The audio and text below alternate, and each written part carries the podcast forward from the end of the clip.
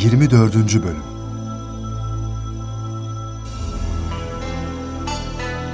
İkinci Hişam çocuk yaşta halife olunca devletin başında bürokratlar at koşturmaya başlar. Bu kez entrikalar devlet adamları arasındadır. İbn Ebi Amir her şeye rağmen hızla yükselmektedir. Musafi ise yolun sonuna gelmiştir.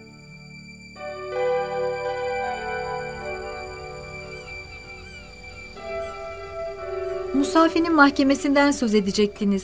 İlginç şeyler olmuş demiştiniz. Evet hem de çok ilginç şeyler. Musafi devlet şurası önünde mahkeme edilir. Medinetüz Zehra'daki devlet hapishanesinden mahkemeye yürüyerek getirilir. Muhafızlar sabırsızdır.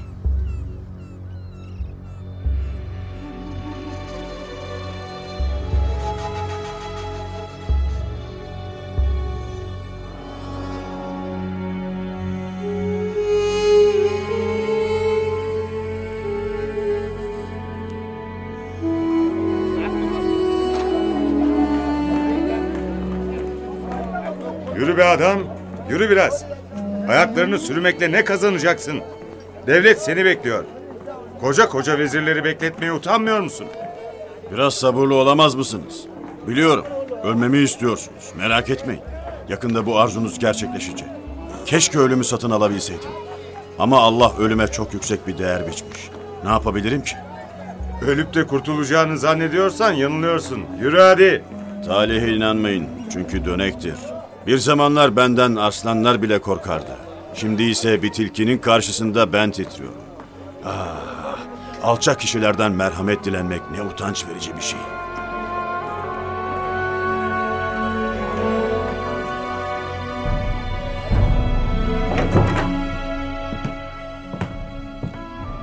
Sen en basit nezaket kurallarını bilemeyecek kadar cahil mi yetiştirildin Musafi?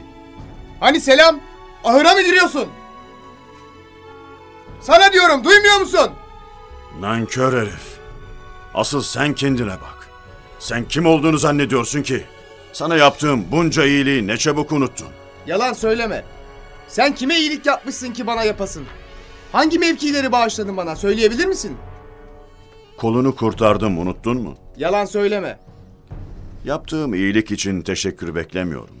Sen de sana yakışanı yapıyorsun işte. Ne yapmışsın sen bana? Durma söyle hadi.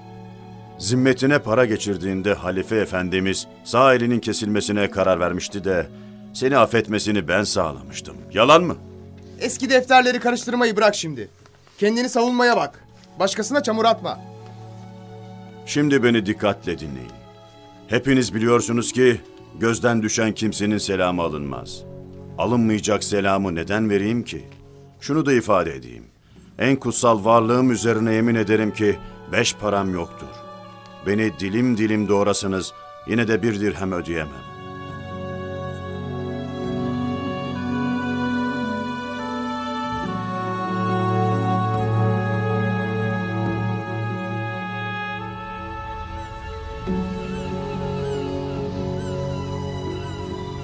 Sonuçta mahkeme Musafi'nin canını bağışladı.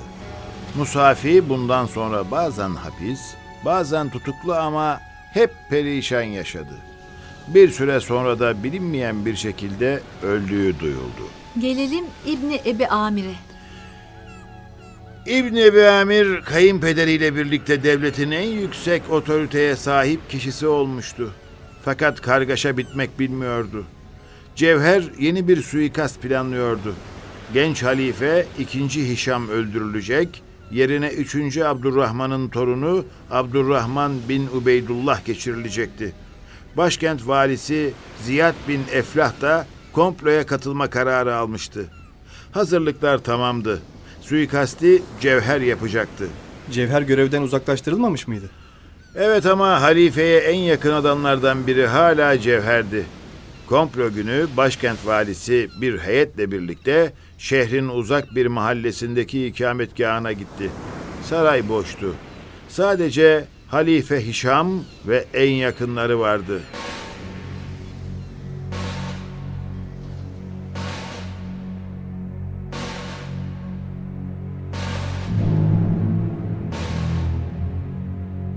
Ne istiyorsun? Ne var? Ben Cevher'im beni tanımadın mı? Tanımasına tanıdım ama görevli değilsin artık. Bilmiyor musun? Hadım ağası beni bekliyor. Kendisiyle kısa bir görüşmem olacak. Vali de bütün görevliler de gitti. Hadım ağası sarayda ama beni bekliyor. İstersen kendisine sor.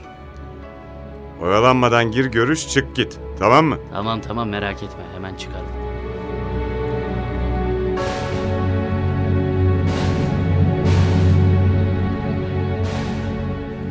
Benim için de izin al ve birlikte huzura girelim.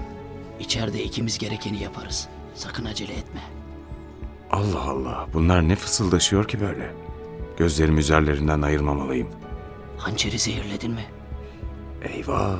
Bunların niyeti kötü. Ben lafa tutacağım. Sen hançerleyeceksin. Hata istemiyorum. Görürsünüz siz.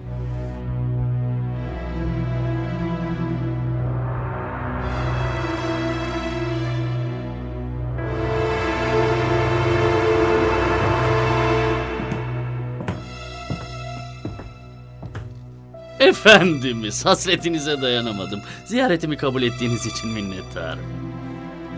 Adım ağasına da bak. Elini hançerine götürdü. Hadi tam zamanı. Efendimiz dikkat edin. Kimse kıpırdamasın. Muhafızlar koşun. Buraya gelin. Herkes öylece kalsın. Sen. Efendimizi oradan uzaklaştır. Hadi hançer elindeyken gel de bana saldır. Salak ne bekliyorsun saldırsana. Ölümden mi korkuyorsun? Nasıl olsa öldürecekler. Saldır! Evet. Böylece azmettiren de suçunu itiraf etti. Yakalayın bunları. Hançerini yere atacak mısın yoksa elinle birlikte ben mi alayım? Adım ağası. Ah beceriksiz herif.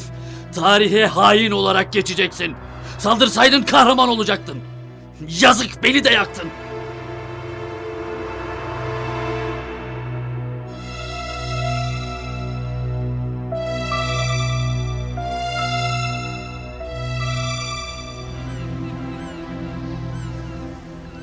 Komplonun başarısız olduğunu ve Cevher'in tutuklandığını duyan vali acele saraya döner.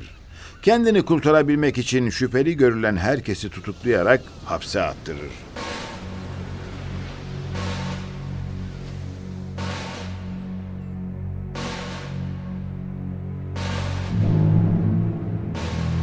Cevher ve arkadaşlarının davası Maide suresi 33. ayete göre olacak. Yani? Cenab-ı Hak buyuruyor ki, Allah ve Resulüne karşı savaşan ve yeryüzünde fesat çıkarmaya çalışanların cezası ancak öldürülmeleri veya asılmaları yahut ayak ve ellerinin çapraz kesilmesi ya da yeryüzünde başka bir yere sürgün edilmeleridir. Bu, dünyada onlar için bir zillettir. Ahirette ise onlar için büyük bir azap vardır. Komploya katılanlar arasında sizin ve Ebi Amir'in eski arkadaşları da var. Ebi Amir'e karşı mı geliyorlar? İşitmediniz mi? Ebi Amir felsefeyle ilgilenmeye başlamış. Dine karşı felsefeyi tercih ediyormuş. Bunu kendisine söyleyen oldu mu? Kim söyleyebilir ki? Peki bu dedikodu hangi boyutta? Herkes bunu konuşuyor.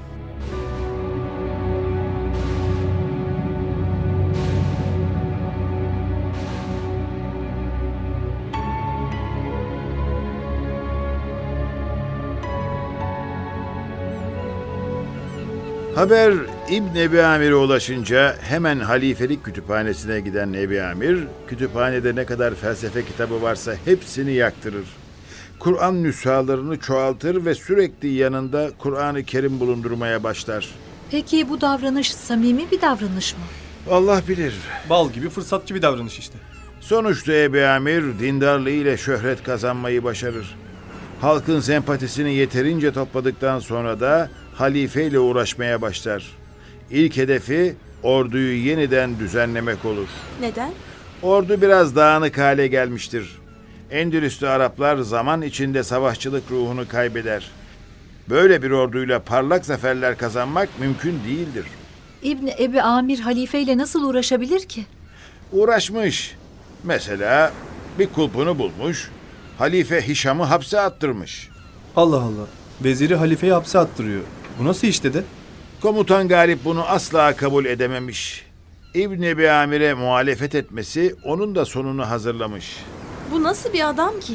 Herkesin hesabını görüyor dedi. Tuhaf değil mi? Tuhaf olmaz mı kızım? O yüzden bu kadar üzerinde durduk zaten. Devletin ne hale geldiği anlaşılsın diye. Komutan Galip de bu adamla başa çıkamamış mı? Ordu komutan Galip'i desteklediğinden İbn Ebi Amir bu sebeple orduyu yeniden düzenlemeye karar veriyor zaten. E bu durumda Endülüs'ün en üst seviyedeki adamı Ebi Amir oluyor değil mi? Evet oğlum. Duruma bakılınca öyle. Lakin komutan Galip de bütün orduya güvenebilecek durumdadır. Doğrusu Endülüs'te gaye ile vasıta ve vesileler iyice birbirine karışmış galiba. Tam dediğin gibi kızım. Mesela Moritanya, Ifrikiye valisi tarafından işgal edilince Berberiler çok zor durumda kalır. İbn Ebi Amir hemen bunlara sahip çıkar ve doğrudan kendisine bağlı bir ordu kurma teşebbüsüne geçer. Aç, çıplak, perişan bir vaziyette İspanya'ya gelen bu Berberiler kısa zaman sonra acayip zengin olurlar. Neden? Ebu Amir'in desteğiyle sonunda Hristiyan İspanyolların da katılmasıyla Ebu Amir büyük bir güç sağlamış oldu. Hristiyanları da oldukça yüksek maaşlarla asker kaydetti. Hristiyan Müslüman için savaşır mı? Ebu Amir için savaşacak demek ki. Ne zamana kadar? Kurnaz vezir bir yandan orduda yabancılara öncelik tanırken diğer yandan öbür askeri birliklerde de değişiklik yaparak etki alanını genişletmeye çalışıyordu. En önemlisi kabile anlayışını yıkarak kozmopolit bir yapı oluşturmuş oldu. Komutan Galip Ebi Amir'in kayınpederi değil miydi dede? Evet, kayınpederiydi. Bir gün bir sınır kalesinin kulesinde Galip ağzındaki baklayı çıkarır.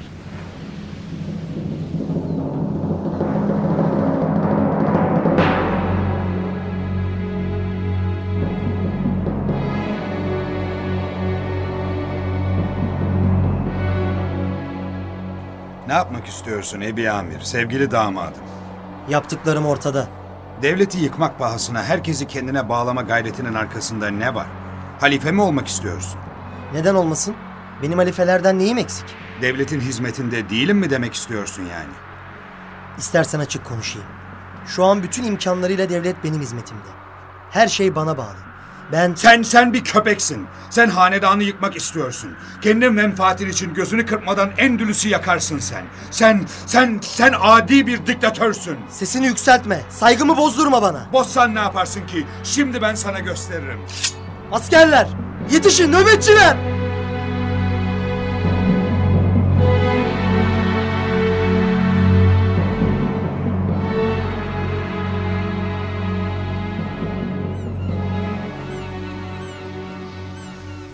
Sonunda İbn Ebi Amir bir şekilde kayınpederi komutan Galip'i de saf dışı etmeyi becerir. El Mansur Billah unvanını kullanmaya başlayan İbn Ebi Amir, Hristiyan devletler üzerine 66 sefer düzenler. Öyle bir nam salar ki tepelerden birine diktirdiği bir bayrak kendisi orayı terk ettiği halde uzun süre oradan indirilemez. Tam bir diktatör diyebilir miyiz? Gözünü kırpmadan düzenini bozan akrabalarını, çocuklarını öldürtecek kadar. Çocuklarını neden öldürtmüş ki dede? İsyancılara alet olmuşlar. Düşman tarafından kullanılmışlar. Kaç yıl başta kalmış Ebi Amir? 20 yıldan fazla. Öyle bir dönem gelmiş ki halifenin bütün yetkilerini eline alabilmiş. Halife Hişamsa sembol de olsa halk tarafından seviliyormuş. Aurora'nın oğlu değil miydi Hişam? Evet kızım annesi Aurora'ydı. Ebi Amir de hep Aurora'nın desteğiyle ilerlemişti. Gün geldi Aurora ile araları açıldı ve isyanlar başladı. Sonunda 10 Ağustos 1002'de İbn Ebi Amir de öldü. Herkes bir kere daha dünyanın ölümlü olduğunu anlamış oldu. Peki Ebi Amir ölünce iktidarı bırakmış oldu mu? Bırakır mı? Oğullarını yerine geçirmişti. Halk buna razı oldu mu? İşin doğrusu Ebi Amir'in oğlu Abdülmelik el Muzaffer döneminde Endülüs kısa bir zaman diliminde altın çağını yaşadı. Ancak siyasi birlik bir türlü korunamadı. Yönetici sınıf şahsi menfaatlerinden dolayı birbirlerine düştü. Saray eşrafın tahakkümüne girdi. Bazı zengin aileler yönetimde söz sahibi oldular ve amiri ailesine karşı ciddi bir muhalefet başladı. Halife Emevilerden Hişam ama devleti Amiriler yönetmiş. Amiri sülalesi haciplik makamını kimseye kaptırmamak için bazı tedbirler almış ama İbn Ebi Amir'in oğlu Abdülmelik ölünce yerine geçen kardeşi işe tam sahip çıkamamış. Nasıl yani? 22 Ekim 1008'de haciplik makamına oturan Abdurrahman İbn-i Amir'in Navarra asıllı hanımından olan oğluydu. Dedesi Navarra kralıydı. Sancho Garcia. Dedesine çok benzediği için Abdurrahman'a küçük Sancho derlerdi. Yani İspanya asıllı. Evet kızım, zayıf şahsiyetli biri. İki arada bir derede kalmış. Ne tam Müslüman olabilmiş ne de İspanyol kalabilmiş. İspanya'nın tekrar İspanyolların olması mücadelesi ne oldu dede? Malazgirt zaferinden sonra ortaya çıkan şark meselesi gibi bir şeydi galiba bu da. Müslümanlara ve Araplara karşı olan yerli halktan bazıları farklı ümitlere kapıldılar.